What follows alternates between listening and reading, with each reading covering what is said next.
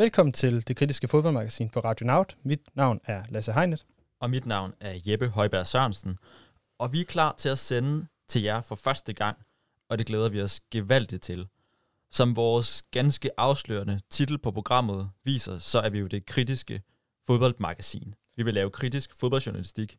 Men Lasse, hvad er det egentlig, vi præcis, eller lytterne præcis kan forvente sig af os? Vi vil gerne forsøge at tale med, og ikke om sportens øh, beslutningstager, og vi vil gerne tale med dem, som er involveret i fodbolden, som oplever konsekvenserne af det, der sker i den, både på og uden for banen. Og det er lige præcis også, hvad ambitionen er her i vores debutudsendelse, hvor vi har en del historier klar til jer. Vi skal se nærmere på Sønderjyskes amerikanske ejerskab, og ikke mindst hvad klubbens visioner er for fremtiden. Så slår vi et smut forbi Newcastles øh, nye ejerovertagelse, og det gør vi via Peter Løvenkrantz. Og så skal vi forbi AGF's chef for kvindefodbold, Marie Greve, for at høre, hvordan vi kan få lignende scenarier i Danmark til de, til de danske kvindefodboldkampe, som vi så i Sverige i weekenden. Men før vi kommer så langt, så skal vi til dagens første historie. Det handler om en, hvad kan sige, gryne, et gryende politisk opgør med bettingbranchen, og de utallige bettingreklamer, en fodboldkamp er pakket ind i. For i slutningen af september, der kunne blandt andet The Guardian afsløre, at en kommende britisk regeringsudspil med stor sandsynlighed vil forbyde bettingreklamer på brystet af de engelske og skotske fodboldklubber. Det udspil vil løbe henne på endnu mere vidtgående indgreb, der allerede er foretaget i Spanien og Italien, og helt grundlæggende lyder rationalet, at man skal regulere bettingselskabernes reklamemuligheder for at beskytte fodboldens fans mod ludomani og spilafhængighed. I Danmark er der også et regeringsudspil på vej. Det skal vi tale med Socialdemokratiets idrætsordfører Malte Larsen om senere. Men for nu skal vi ringe til Alexander Mikkelsen. Han er vært på podcasten Radio Afhængig, og så betegner han sig selv som ludoman. Dem er der ifølge Sundhedsministeriet 10.000 af i Danmark, og den her gruppe har været voksne de seneste år. Alexander, kan du høre mig? Ja, det kan jeg. Perfekt. Alexander, nu forlyder det jo, at den britiske regering er på vej med store reguleringer over for bettingbranchen. Øh, du har jo haft spilafhængighed helt ind på livet i mange år. Tror du, at de mange reklamer, vi ser på trøjer, på stadions og i reklameblokkene rundt om fodboldkampe, var med til at skubbe, skubbe dig ud i din spilafhængighed? Mm, det har jeg svært ved at, øh, at øh, være skråsikker omkring. Øh, jeg tror, jeg altid har været disponeret for, for, for ludomani, og det vil jeg ikke undskylde mig med, at det er øh, tv-reklamer skyld eller noget, der er en anden stil. Øh, i, I det hele taget vil jeg sige, i forhold til ludomaner, øh, så er det selvfølgelig ikke en god ting, at der er reklamer i relation til øh, eksponering og markedsføring, men jeg, jeg vil sige, det er faktisk særligt et problem for ikke-ludomaner. Fordi når du først er ludoman, så, øh, så, så, så er det jo fuldstændig underliggende, at du lever med den sygdom resten af dit liv. Du skal altid passe på ting, der trigger dig og lignende. Men det er ikke ludomanerne, de unge mennesker særligt, som øh, jeg synes, det er særligt uheldigt øh, i forhold til så det er dem, der ligesom kan være på vej ud i det spilmisbrug, eller ikke endnu ikke ja, fordi, er på vej endda. Ja, og, og uden at lyde for, for dommedagsretorisk omkring mig selv og andre ludomaner, altså vi er jo tabt på en eller anden måde, forstået på den måde, at, at vi, vi lider ludomani øh, nu og til evig tid, så kan vi selvfølgelig lade være med at spille, og det er der en masse værktøjer til. Men jeg synes hellere, at vi skulle fokusere på, at øh, vi ikke skaber en endnu øh, mere markant folkesygdom, som ludomani er ved at blive, ved at uddanne flere ludomaner, som er det, vi har gang i en, en folkesygdom, siger du. Hvordan vil du uddybe det? Ja, altså nu ved jeg, det, det, det, som du selv sagde, det seneste tal er 10.000. Altså jeg vil i al beskedenhed mene, øh, også andre begavede mennesker, der taler om det, at der kan sættes et nul bag på det. Øh, og øh, ludomani er lige nu i eksplosiv vækst. Altså øh, det, det brager der ud af kontra alkoholisme og narkomani, som er lidt mere stagneret. Og det er jo en naturlig konsekvens af, at vi jo netop, øh, altså for mig at se, en masse uddanner ludomaner i de her år, i forhold til markedsføring, eksponering, og ingen, ingen whatsoever politiske rammer. Når du siger, øh, at vi masseuddanner øh, ludomaner, så øh, bliver jeg lidt nysgerrig på at vide, om det specifikt her drejer sig om, hvor ofte man bliver eksponeret for spilreklamer som, øh, hvad kan vi sige, almindelig menneske. Øh, nej, jamen, med det mener jeg det egentlig bare meget enkelt, at, at det er jo indlysende, øh, ligesom alt muligt andet reklame, at øh, hvis, man, øh, hvis man eksponerer og markedsfører en given ting tilpas meget, og i en dag så voldsom grad, vil jeg sige, så nærmest sport er blevet lige med spil, øh, og spil er lige med sport, så det er sådan normaliseret, ting, at de to bare øh, nu øh, ting hænger sammen, så er det klart, så øh, vil der være flere og flere, som, øh, som kommer ud i, øh, i dels at skulle spille, men, men jo også rigtig mange desværre misbrug og, og ludomani. Og så, så jeg skal bare lige forsøge dig, så du, du ser et, et lighedstegn mellem sport og spil i dag? Ja, og det tror jeg i al beskedenhed ikke, jeg, jeg er enig om. Altså det er jo, øh, øh, man føler sig jo som ung nærmest unormal, vil jeg sige, øh, hvis, man ikke, hvis, hvis man ikke spiller i forhold til alle de budskaber, øh, man får direkte som indirekte. Så man føler sig simpelthen unormal. Er det det? Altså, jeg ved, at du snakker med mange spilafhængige, også igennem din egen podcast. Er det mm. den følelse, der normalt er derude, at det er en helt naturlig integreret del af fodbolden efterhånden, at spille? Fuld, fuldstændig. Altså, jeg har ikke hørt en eneste ludoman eller folk med spilproblemer, som har sagt, at de øh, er startet øh, alene, så at sige, på sit værelse. Det har altid været i venners lag, hvor der netop er den der underliggende forståelse af, at øh, er der fodbold, så spiller man også på kamp. Der findes jo det her register, der hedder, Rufus, hvor man helt frivilligt kan udelukke sig selv fra, fra spil øh, på, på alle mulige hjemmesider, ligesom der også står på, uden, uden at skal blande øh, pære og bananer, men der står også på, på de fleste ølflasker, man skal drikke øh, ansvarligt. Øh, hjælper Rufus-ordningen ikke? Altså, Rufus er naturligvis et rigtig godt værktøj, men, men problemet er jo, hvis man er aktiv ludoman, lige så vel som hvis du er aktiv alkoholiker eller anden afhængighed, så vil du altid kunne finde en måde, du kan spille på.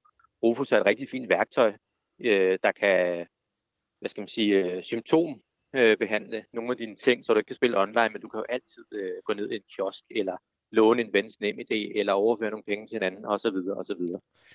Så når du, øh, hvad hedder det, siger symptombehandle, hvad vil så være en reel behandling?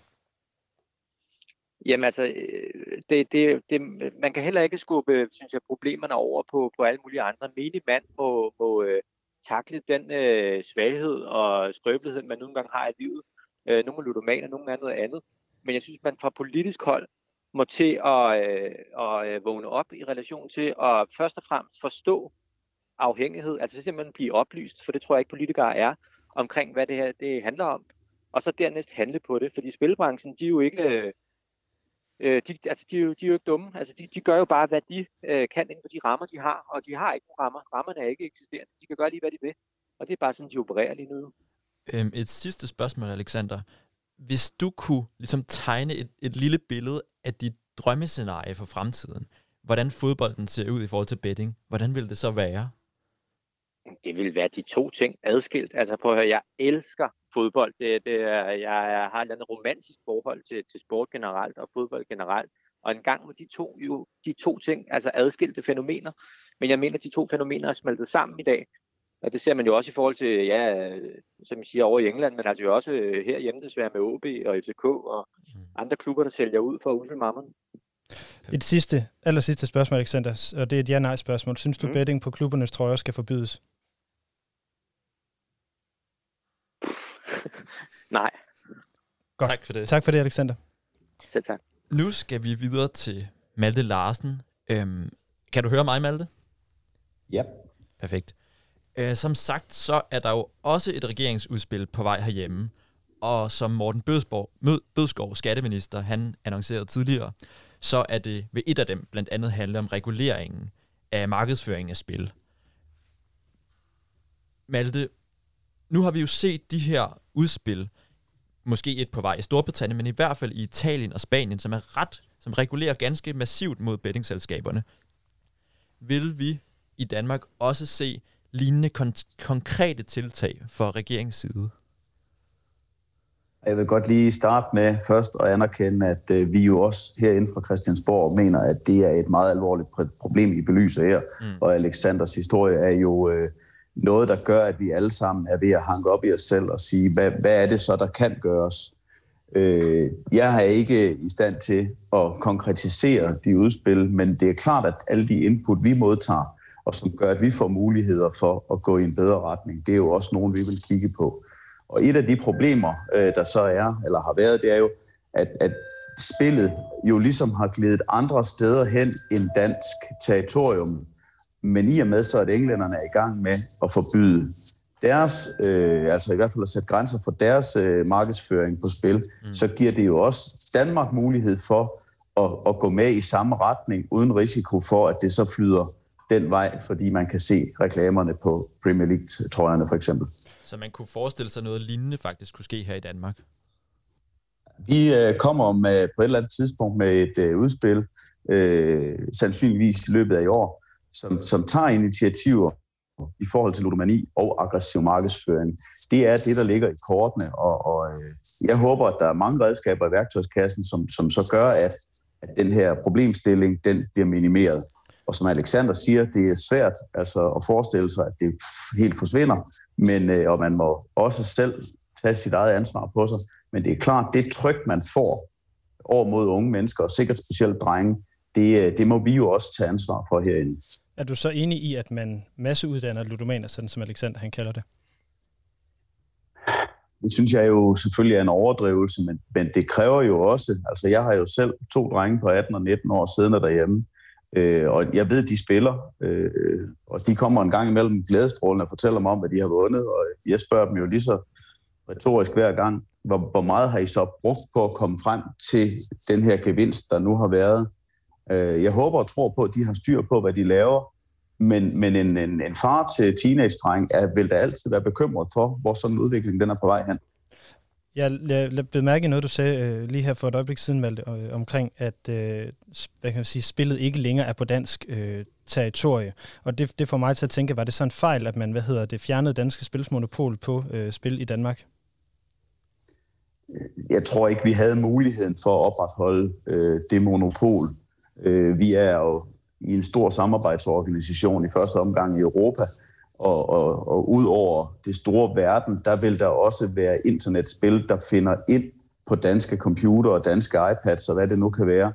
Øh, og derfor så kan vi jo, altså vi har jo også øh, et blik på, hvad kan vi regulere, der kommer udefra, og nogle gange der er de chancer meget små.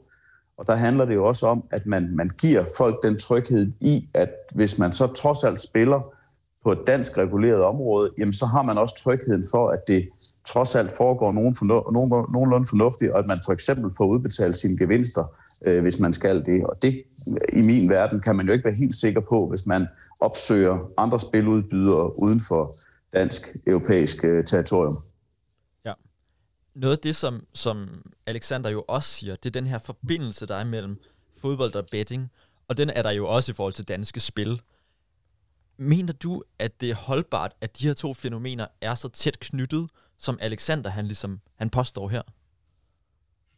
Hvis jeg nu svarer et lidt andet sted, så mm. har jeg jo øh, for det første en lige så stor øh, glæde over dansk idræt og dansk fodbold, som, som Alexander. Han har jo øvet også sport fra, fra andre steder.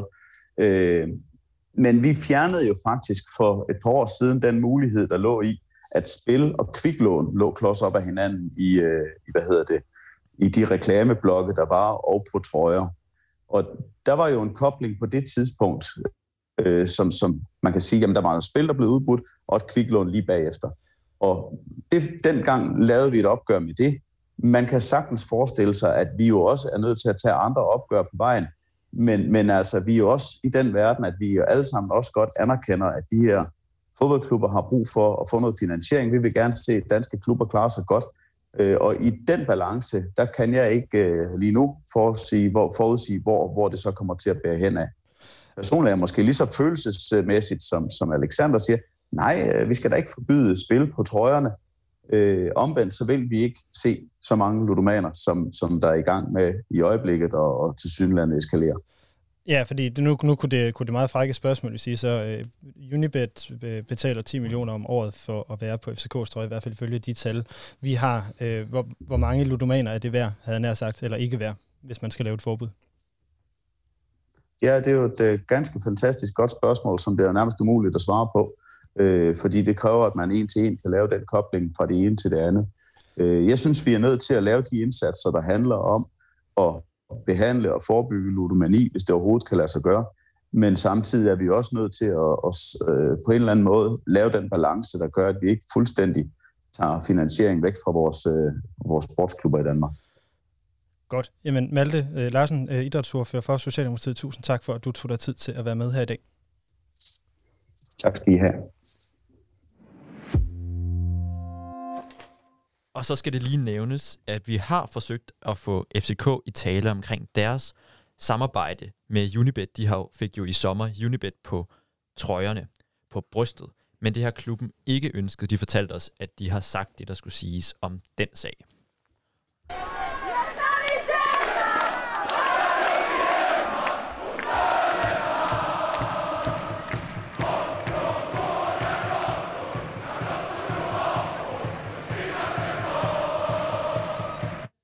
Og så flytter vi fokus over på den anden side af Øresund. For her i sidste weekend var der lokalbrag i Stockholm mellem Hammerby og AIK. Og som man måske kunne høre i lydklippet, så tiltrak den her kamp rigeligt med tilskuere. Mere præcist 18.537. Men modsat hvad man måske skulle tro, så var det ikke herreholdene, der tørnede sammen. Det var derimod klubbernes kvindehold. Og dermed så satte man også i Sverige tilskuerrekord i den svenske kvindeliga. Og snakken går nu på den anden side af sundet på, at det her det kan blive en epokegørende kamp for svensk kvindefodbold. Så er det naturlige spørgsmål selvfølgelig, om noget lignende kan ske her i vores kongerige. Så det spørgsmål vil vi nu sætte videre til Marie Greve. Hun er chef for kvindefodbolden i AGF, det, og de har et mandskab, der ligger i den bedste kvinderække i Danmark, gensidige kvindeliga. Så nu ringer vi hende op. Det er Marie. Hej Marie, du snakker med Jeppe fra det kritiske fodboldmagasin. Hej Jeppe. Hej. Vi har jo lige fortalt seerne om den her kamp i weekenden. Den ved jeg, du også lagde mærke til. Kan ja, du det bestemt. Ja, det var noget af et, et scenarie. Ja. Kan du forestille dig et lignende scenarium her i landet? Jeg kan håbe og drømme og arbejde for det. Og jeg tror også på, at det kommer til at ske. Øh, men jeg tror også, at vi har noget arbejde foran os, inden det sker. Bare lige for at sætte øh, scenen, så blev den danske tilskuerrekord i gensidig kvindeliga slået sidste år i guldkampen mellem HB Køge og Brøndby. Og der lød rekorden på 1248 mennesker, altså et godt stykke under, må man sige, hvad vi så i Stockholm i weekenden. Jeg ved jo godt, at der ikke kommer 18.000 i snit til kampene i Sverige. Men hvorfor tror du, de lykkes med at stable sådan et arrangement på benene? Man kan sige, at kvindefodbolden i Sverige har jo været under udvikling i nogle flere år. Øh, den svenske liga har været under udvikling i nogle flere år end den danske. Øh, og så tror jeg, at man har intensiveret indsatsen omkring fans og tilskuere.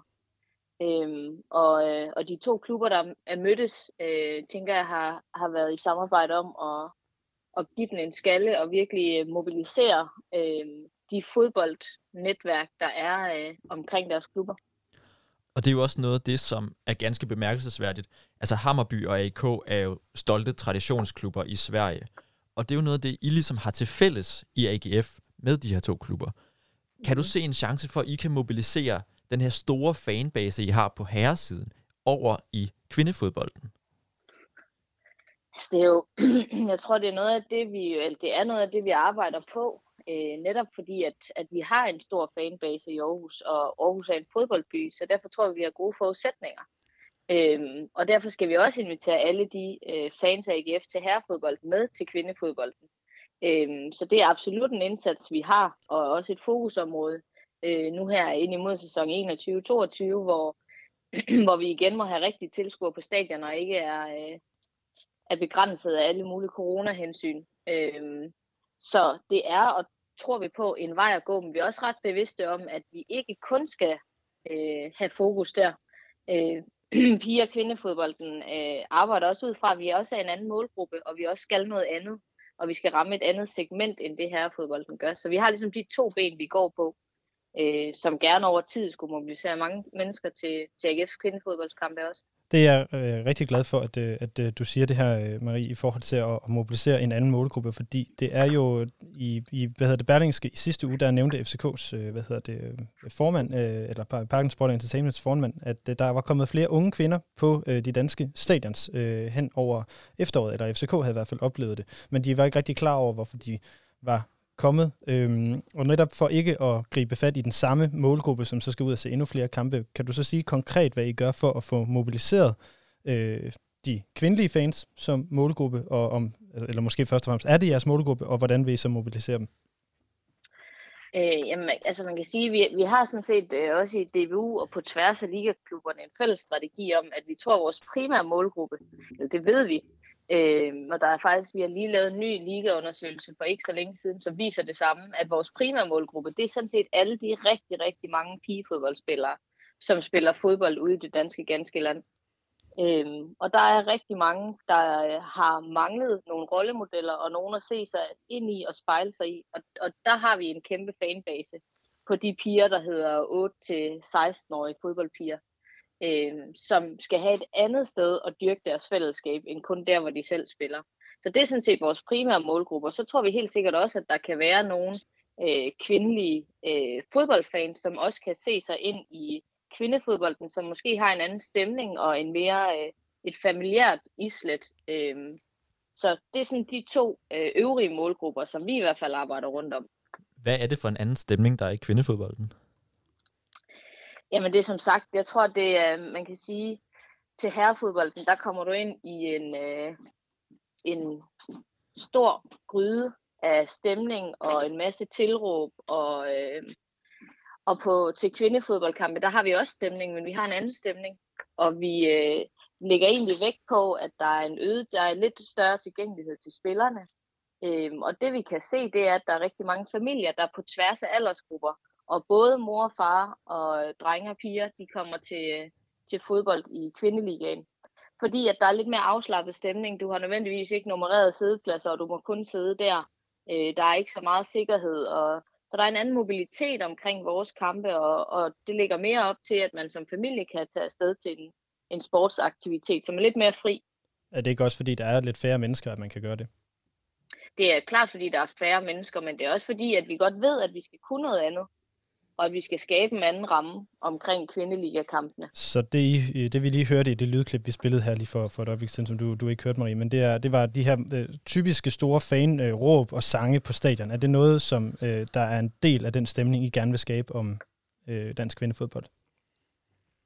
Jeg tror, når man kigger, nu spiller kvindelandsholdet i Viborg på, øh, på torsdag, og jeg tror da absolut, at øh, den stemning, der er til landsholdet i Viborg, når der er 7.500 mennesker til deres kampe, øh, den vil vi også gerne se i kvindeligaen. Men hvis man også lægger mærke til det, jamen, så er der også gjort nogle, e-, nogle andre tiltag, end der er i parken, for at skabe den stemning. Altså der er, der er eksterne, øh, der sidder to drenge og spiller noget musik, øh, og ligesom er med til at sætte stemningen og retningen, fordi at den målgruppe, der også kommer til kvindelandskampe, jamen det er de unge piger, øh, som vil ind og se deres rollemodeller og spejle sig i Pernille Harder og Stine Wallisager og de andre, der løber ned på banen. Og det giver en anden stemning, fordi vi har ikke øh, øh, voksne mænd, der står og sætter scenen med en, øh, med en megafon, men vi kan gøre det på en anden måde, så vi stadig kan få engageret folk og få skabt noget larm og noget stemning. Øh, og så er det fantastisk at se, når landsholdet har spillet, og det er også det, vi oplever lokalt, jamen så bliver øh, de små piger, de bliver hængende rigtig længe, for de ved, at der kommer nogen over og siger hej. De ved, de kan få taget et billede, og de ved, de kan få, få skrevet nogle autografer, og det er der faktisk rigtig mange, der gerne vil. Marie, jeg har, jeg har i nogle undersøgelser tidligere kigget på nogle af de amerikanske kvindesportsligaer, fordi de netop er lykkedes så fint med at mobilisere et, et andet type publikum. Også fordi der måske er rollemodeller, som, som fremstår anderledes end de der traditionelle macho-forbilleder, vi kender fra sportens verden. Hvad er det for sådan særlige, mm, særlige kendetegn, der er ved, ved nogle af de her dygtige spillere, vi har i Danmark for tiden? Øhm, jeg ved jo ikke, om der er noget særligt, men jeg ved i hvert fald, fordi det tror jeg også, at øh, det synes jeg også, vi oplever på herrelandsholdet på nuværende tidspunkt, og også for Superliga-spillerne, at de vil også rigtig gerne give meget igen. Øhm, men vi har nogle piger, som gerne vil være med til at bidrage til at give en god fanoplevelse, og de giver enormt meget af sig selv, når de er der både før, under og efter kampen. Så der er en, en øget tilgængelighed til spillerne i forbindelse med kamp, og en øget interaktion mellem fan og spiller i forbindelse med en kvindelig kamp. Og, øh, og det tror jeg, at, øh, at dem, der kommer på stadion, de har en rigtig god respons på. Hvad, øhm, et spørgsmål, vi slet ikke har stillet. Hvad, hvad er jeres tilskuergennemsnit egentlig? Jamen i indeværende sæson, der er det 550. Vi havde en kamp på Ceres Park med 1000 tilskuere, 1000 mennesker. Øhm, og, øh, og vi, vi arbejder ret ambitiøst på hele tiden at hæve det tal. Øhm, lige to øh, korte opfølgende spørgsmål til det. Spiller I, jeres, I spiller jeres hjemmekamp på, på Sears Park? Vi spiller øh, halvdelen af vores kampe cirka på Sears Park, og den anden halvdel øh, spiller vi på Vejleby Stadion. Op i Vejleby Rigskov.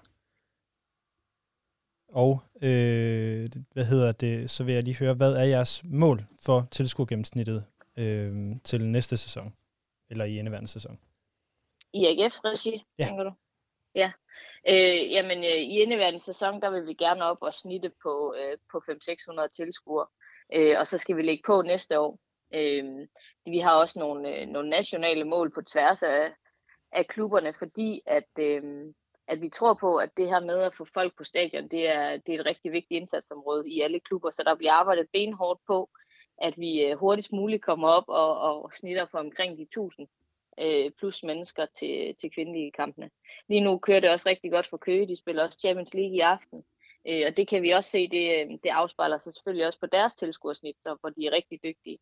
Øh, men vi har også forskellige forudsætninger for at trække mennesker på stadion. Lige nu har Køge en sportslig succes.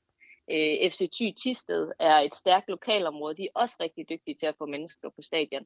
Så det er jo noget med, at vi hver især skal finde ud af, hvad er vores øh, muligheder, øh, og hvordan kan vi så bruge de muligheder til at, at få flere mennesker til kvindelige kampe.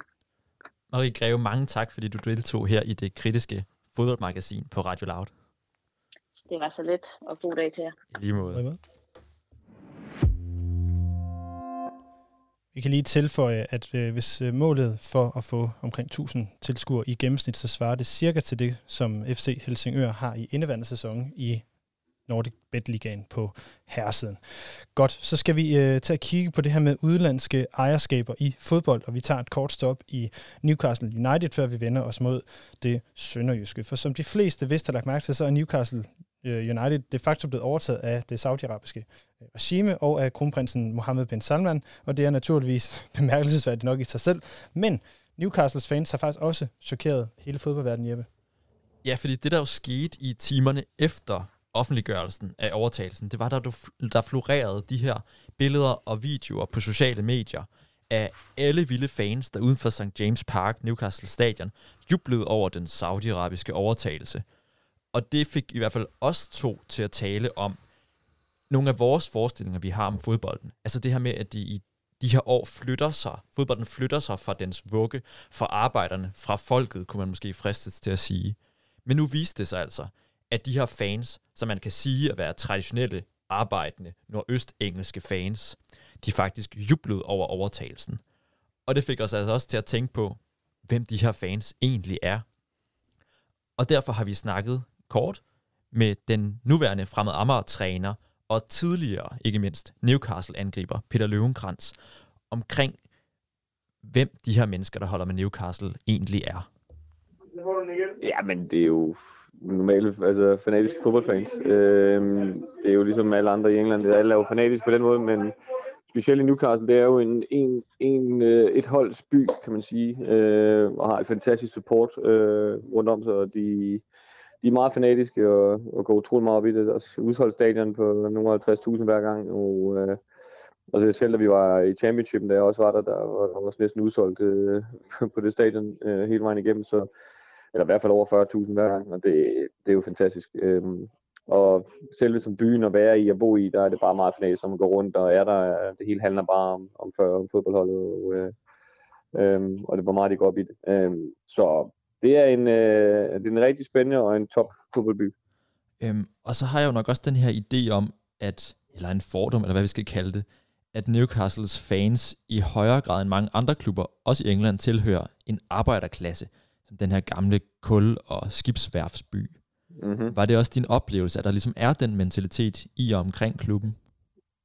Altså, det ligger altså ikke så meget mærke til, som, som spiller dengang, men, men altså, jo, altså, det er jo selvfølgelig en hårdt arbejdende by med en hårdt arbejdende fans, øh, som går meget op i det og har deres, når de er, de er til fodboldkampe, øh, eller været på arbejde, skal man sige, og, været, og kommer så til, kommer hjem, så er det det, de går op i, det er fodboldkampene, øh, og det er fodboldholdet øh, rundt om, og, øh, og det er så også det. Øh, hårdt arbejdende mennesker, og så skal de have noget ved siden af, og det er så fodbolden, og det handler om, og det, det går de fuldt ind i, og det vil sige, at det de har en rigtig, øh, rigtig god stemning hver gang, øh, øh, på stadion og i selve byen øh, med optag til kampe og efterkampe, og øh, de går bare så utrolig meget op i det. Øh, men det regner jeg også, det gør de mange af de andre hold også i England, selvfølgelig, men øh, nu har jeg også bare kendskab til den der øh, på ret tæt hold, og det, ja, det er bare en fantastisk fodboldby. Og tror du så også, at den store betydning, klubben har for, for fansene, at det også har spillet ind på, hvordan de har taget imod, at de her saudiarabiske ejere er kommet ind, at resultaterne betyder så meget, at man også ser lidt lettere på den slags overtagelse, end andre ville? Nej, men jeg tror, at det hele bunder i, at øh, den her fodboldklub har været i så mange op- og nedture øh, med hensyn til ned i championship og tilbage igen og ned igen og op igen, og så sluttet i Europa øh, og så ned igen og ligget og kæmpet med om nedrykning og alle forskellige ting. Det er meget op og ned. Der har ikke sådan været en, øh, en, en, en bestemt øh, bølge af bare kun gode ting og sådan Det er meget op og ned, og det er ikke nemt øh, for sådan en klub, som går så meget op i det, altså fansene i hvert fald går så meget op i det. Øh, det er det, det handler om for deres, som fodboldfans, det er at få, at få det, men også på grund af den ejer, der var før. Øh, Mike Ashley var ikke øh, specielt øh, vil sige, liket af, af fansen over, og det, og det er også det, som, de trækker i nu af de nye Saudi folk, der kommer ind, de vil jo bare gerne have ham ud, øh, sådan så de kan få det, som de håber på, og men så også den punkt, pengepunkt, de kommer med, vil jo også hjælpe med at få håb på klubben tilbage på det, på det højere niveau, og ligge og kæmpe med i toppen, i stedet for at ligge og skrive og i og kende mod nedrykning hver gang. Øhm, så det, det hele handler om, det er, hvad de har været igennem, igennem Mike Ashley, og så bare få ham ud, og så få selvfølgelig noget stabilitet, og, og så håber vi nogle penge bagved at tage bygge på. Og så ser de egentlig ikke så kritisk på, hvor pengene så kommer fra? Det tror jeg ikke. Øh, jeg tror ikke, de tænker over det så meget, må jeg indrømme. Øh, jeg tror, de mere tænker på, at nu vi kan komme få dem tilbage til storhed og være med i at kæmpe toppen, i stedet for at ligge og kæmpe om bunden.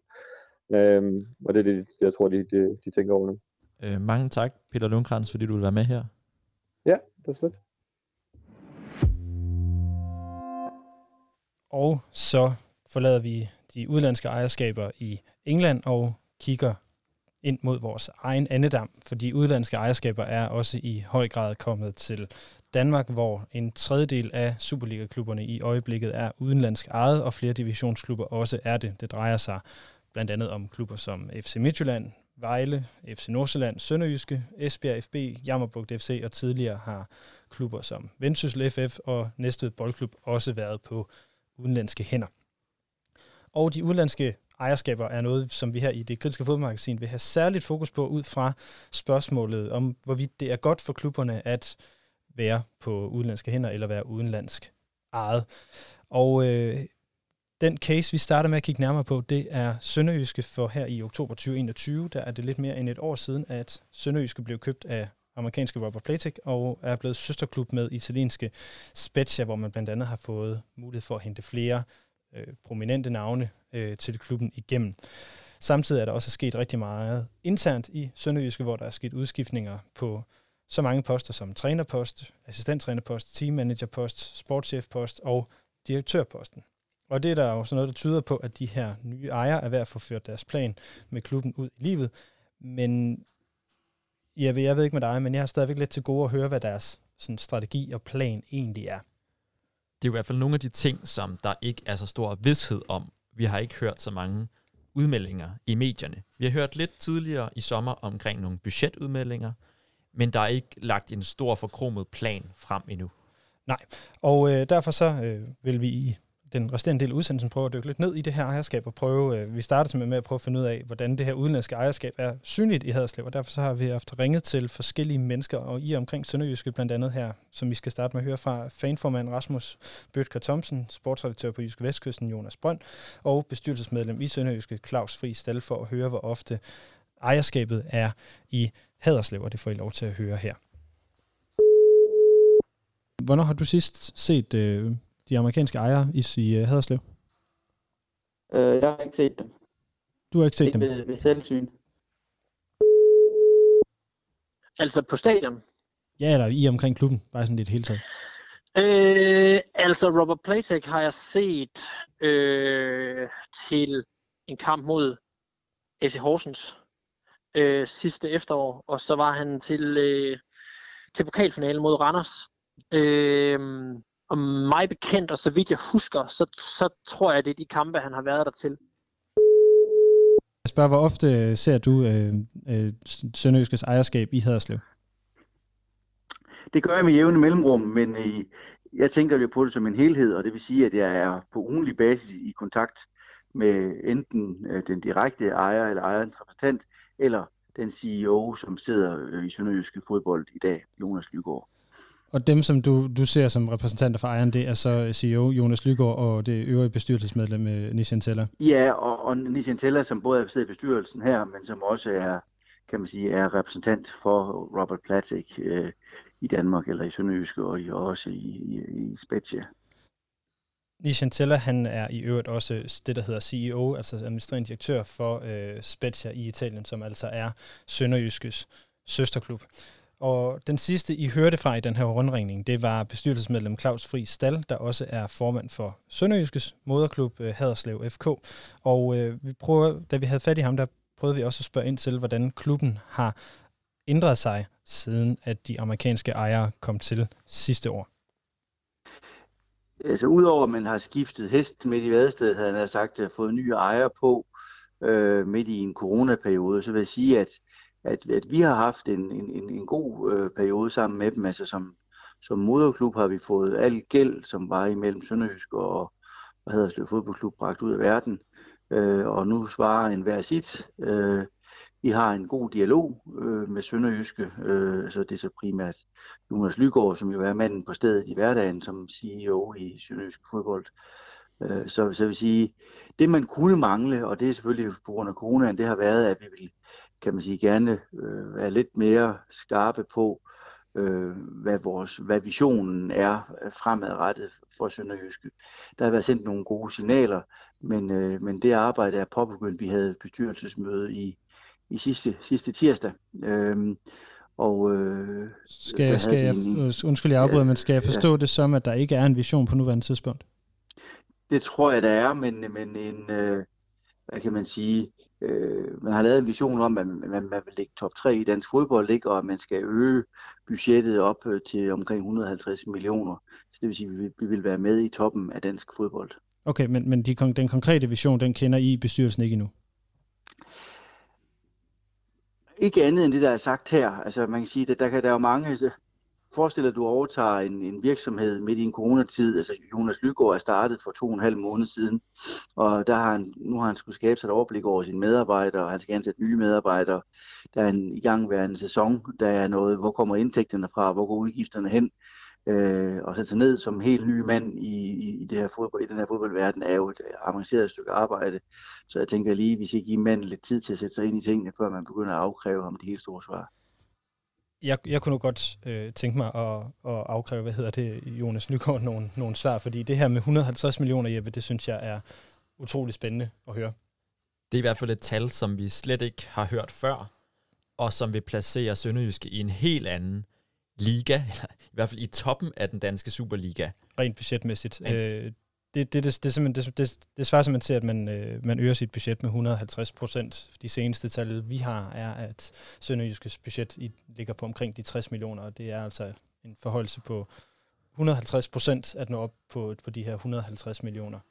Så hvis, den her, hvis det her holder stik, så vil vi faktisk få et, et nyt top 3 hold i Superligaen, der blander sig budgetmæssigt med FCK og FC Midtjylland. Og man kan jo så sige, at de, nu, nu skal vi sige, at vi er ikke helt klar på, om det er et spillerbudget, eller om det er et samlet budget. Vi går ud fra, fra det vi hører her, at det er et samlet budget.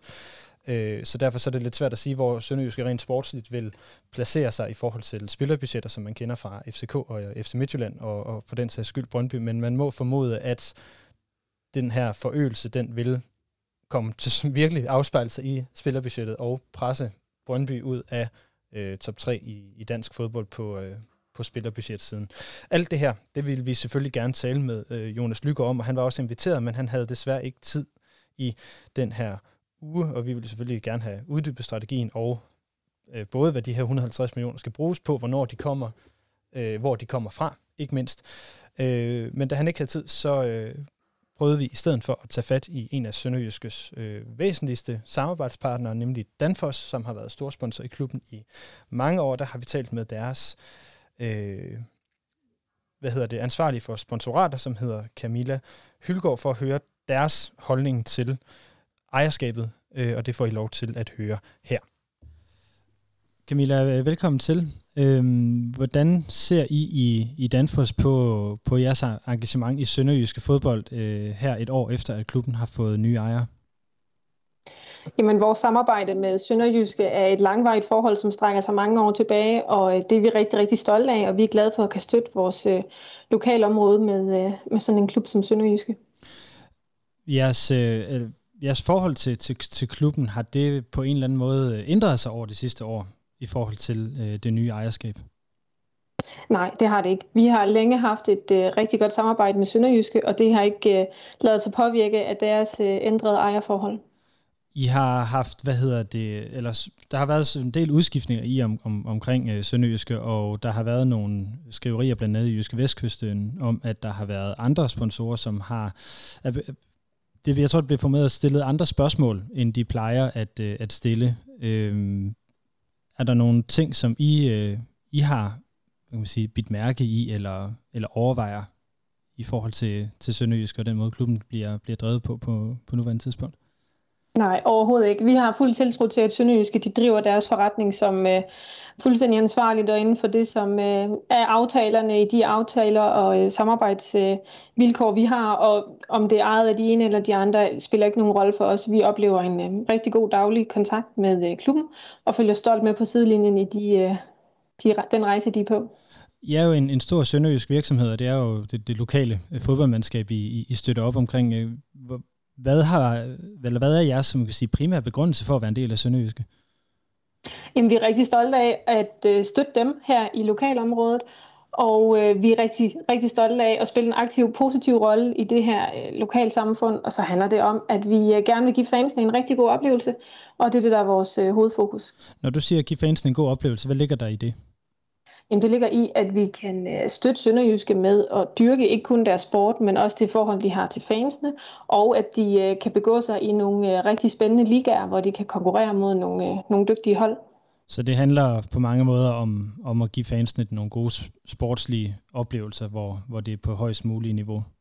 Ja, det gør det. Og vi støtter rigtig mange forskellige klubber og sportsaktiviteter og foreninger i området.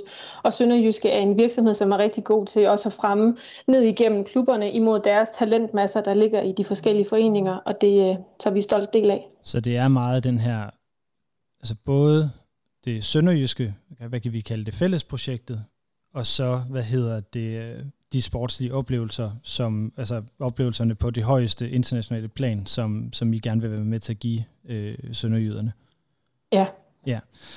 Øhm, klubben, altså Sønderjyske har jo øh, vandt jo en sølvmedalje for en, en 5-6 år siden, og har, har jo så siden gå, gå, gået lidt øh, tilbage rent, øh, rent sportsligt. Øh, har I fået præsenteret en, en ny vision fra, fra det ejerskab, der er nu i forhold til, hvor klubben skal hen?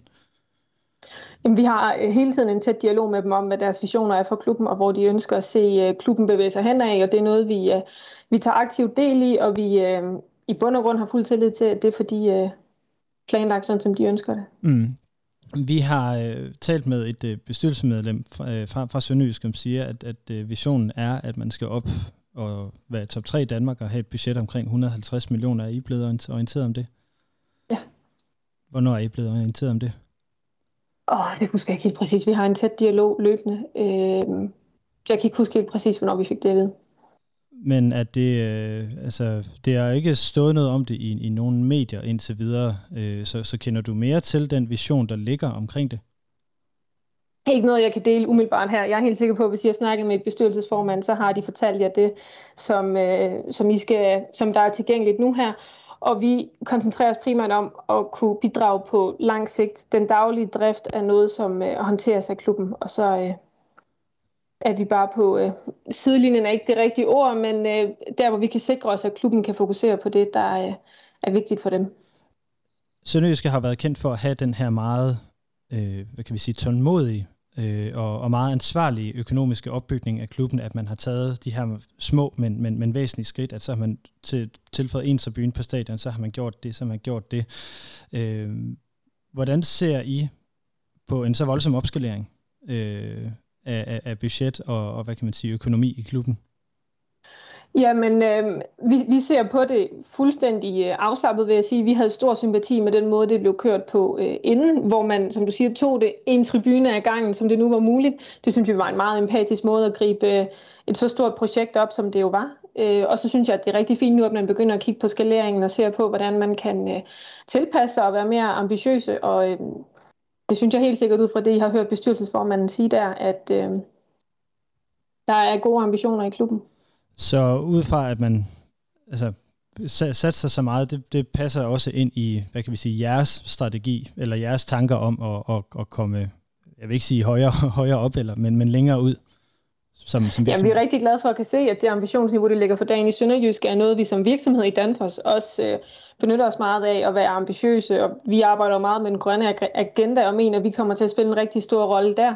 At Sønderjysk tager del af ambitionsniveauet, synes vi jo bare er fuldstændig fantastisk, men det går også rigtig meget ind i den daglige drift, hvor vi til dagligt ikke øh, involverer os. Det er øh, op til dem at drive deres virksomhed.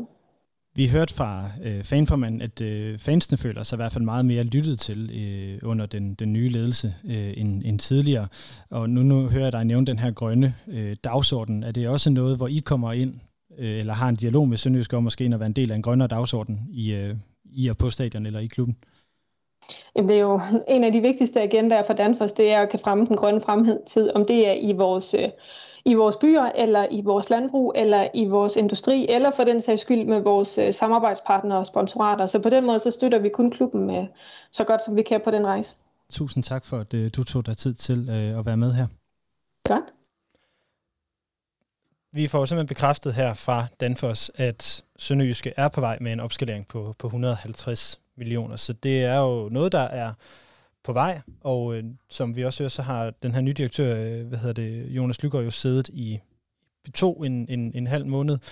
Øh, ja, ud fra det, vi har hørt indtil videre, hvor, øh, hvor, hvor tænker du så, at Sønderjyske står henne om, om et års tid? Det er selvfølgelig meget svært at svare på, også afhængig af, om den her strategi faktisk bliver til virkelighed. Men det kunne noget jo tyde på, at det faktisk er reelle tiltag, der kommer i klubben, og ikke bare rygter, for nu har vi hørt det fra to uafhængige kilder. Det er nemlig det, og øh, hvad kan vi sige, vores, øh, vores kæphest er jo i, i, i programmet her, om, om det er godt for danske klubber at blive overtaget af udenlandske ejere. Øh, og det har vi jo selvfølgelig også forsøgt at, øh, at høre interessenterne i omkring Sønderjysk, omkring hvordan de ser på, på det her ejerskab, sådan på et helt grundlæggende plan, om det har været godt for Sønderjysk at få nye ejere eller ej. Og det synes jeg også lige i derude skal have lov til at høre, inden vi går videre. Er det godt for Sønderjyske, at man har fået nye ejere? Øhm, jamen, det, det, øhm, det, kommer nok, altså, det kommer nok an på, hvor, hvem man er og hvordan man ser på det. Ja, det gør jeg. Specielt efter, at øh, jeg læste en avi, øh, avisartikel om, at hvis ikke, øh, hvis ikke Platik havde købt, så var det ikke sikkert, at vi eksisterede nu, fordi så var man måske gået konkurs. Så jeg ved ikke, jeg ved ikke om det, det er hold, men hvis, hvis det har, så giver det endnu bedre mening.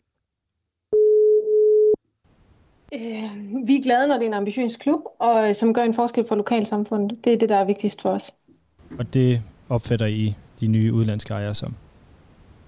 Vi synes, det er ambitiøst af Sønderjyske, at de på den måde øh, involverer sig og øh, kigger øh, aktivt på deres fremtid og evaluerer, at øh, det nye ejerskab er godt for klubben. Og øh, hvis de er tilfredse med deres drift og, øh, og det valg, så øh, er vi som sponsorer rigtig tilfredse med den klub. Jamen, jeg tror som ikke som for projektet om at gøre, at, at det gør nogen forskel på, om det er en amerikaner eller, eller det er sønderjyder selv, som sidder i det. Øh, det, det handler om er jo at sige, at vi vil lave et godt produkt. Vi vil lave god fodbold i Sønderjylland. Øh, Platik-familien har jo netop købt ind på de værdier, som ligger i Sønderjyske, og ønsker at fastholde Sønderjyske som, som, som det, der er i Sønderjyske, med Sønderjyske værdier, de værdier, som er kendetegnet for klubben. Så der er ikke nogen forandring. Øh, jeg tror, at man kan blive løftet øh, rent øh, sportsmæssigt. Det er lige et, vi har lige et dyk lige nu her, men jeg vil sige, at vi har nok aldrig haft et bedre hold øh, mand for mand.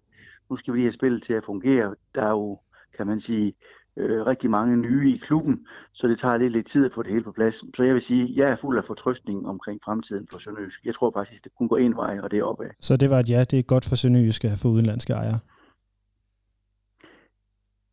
Det vil jeg sige,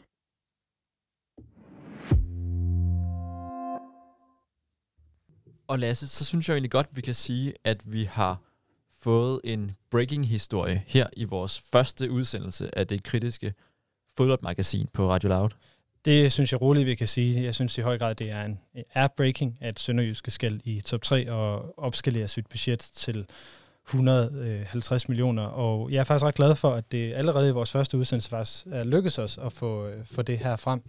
Øh, for det er jo lige præcis det, vi gerne vil med programmet her, det er at komme tæt på sportens beslutningstager, få skabt vores egne historier og komme til at tale med folk, som er ansvarlige for, hvad der sker i fodboldens verden, tager beslutningerne og også få talt med dem, som det rent faktisk berører. Vi vil gerne prøve at komme omkring fodbolden på en lidt anden måde, end, øh, end man plejer og, øh, at gøre det, når, øh, når vi kigger ud i det, det store medielandskab. Det handler selvfølgelig om at gribe de store tendenser, der er omkring fodbolden. Altså det kunne være spiludviklingen og bettingforbud i udlandet, som vi hiver hjem til Danmark, som vi har gjort her, og så retter dem mod beslutningstager, altså eksempelvis politikere eller klub klubdirektører osv. Netop derfor vi også rigtig gerne vil have talt med FCK omkring deres, øh, deres tanker omkring et spilforbud, når de har øh, Unibet som trøjesponsor. Og så handler det selvfølgelig også om at få blik for nogle af de lidt usete historier, som også er i fodboldens verden, og som måske ikke er øverst på dagsordenen hos de etablerede medier. Og det kunne altså eksempelvis være tilskuer fremmøde i gensidig kvindeliga, som vi har rettet blikket mod i den her udsendelse. Øh, det ændrer jo selvfølgelig heller ikke på, at vi også har et fokus på det, som der, der rent faktisk sker ude i den store fodboldverden, og det, som der også fylder i andre medier. Altså i den her uge, der har Danmark jo kvalificeret sig til VM i Katar. Øh, det har vi valgt ikke at kigge på. Det er der masser af andre, der, øh, der har fokus på. Blandt andet øh, den her boykot, som der er mange, der ønsker, hvor øh, vores kulturminister på et, øh, i forbindelse med et samråd her onsdag den 13. oktober sagde, at hun ikke er går ind for et politisk boykot af Katar. Med andre ord har hun altså måske i sinde at troppe op til slutrunden i Katar på tilskuerpladserne. Og så sagde hun vist også, at det handlede mere om kalenderpraktik, end det handlede om politisk vilje til at tage afsted. Derudover så er der også, øh, som sagt, øh, andre historier, som vi gerne vil, øh, vil grave videre i. Nu har vi i dag sat fokus på det her med de udenlandske ejerskaber i den danske Superliga med fokus på Sønderjyske. Vi dykker selvfølgelig længere ned i Sønderjyske og deres ejerskab over de kommende uger, ligesom vi også glæder os til at se nærmere på de andre udenlandske ejerskaber, som er i Danmark, for at finde ud af, om det er godt for dansk fodbold helt generelt, at der kommer udenlandsk valuta ind, og hvordan vores øh, lokale klubber bliver forvaltet. Men det er ikke det eneste, vi kommer til at kigge nærmere på i den, i den næste tid, fordi inden for de næste for den næste måned, der er der kommunalvalg, det er der den 1. tirsdag den 21. november, og i forbindelse med kommunalvalg, der vil vi selvfølgelig gerne sætte fokus på fodboldens rolle ude i øh, de små lokalsamfund. Og det kritiske fodboldmagasin her på Radio Loud, det kommer til at sende ugentligt. Øh, vi øh, kommer til at sende hver weekend, hvor programmet her det kommer til at ligge i hvad det, det, den faste sendeflade, og så kommer det ud som podcast om mandagen, så der kan I følge os eller, eller lytte med. Og med det, så tror jeg, at vi er nået til, øh, til vejs ende for, for første udgave af det kritiske fodmagasin. Det har været en fornøjelse, Jeppe. Det har det virkelig. Så tusind tak til alle jer, der har lyttet med. Mit navn er Lasse Udhegnet. Og mit navn er Jeppe Højberg Sørensen. Det her det er det kritiske fodboldmagasin. Vi lyttes ved.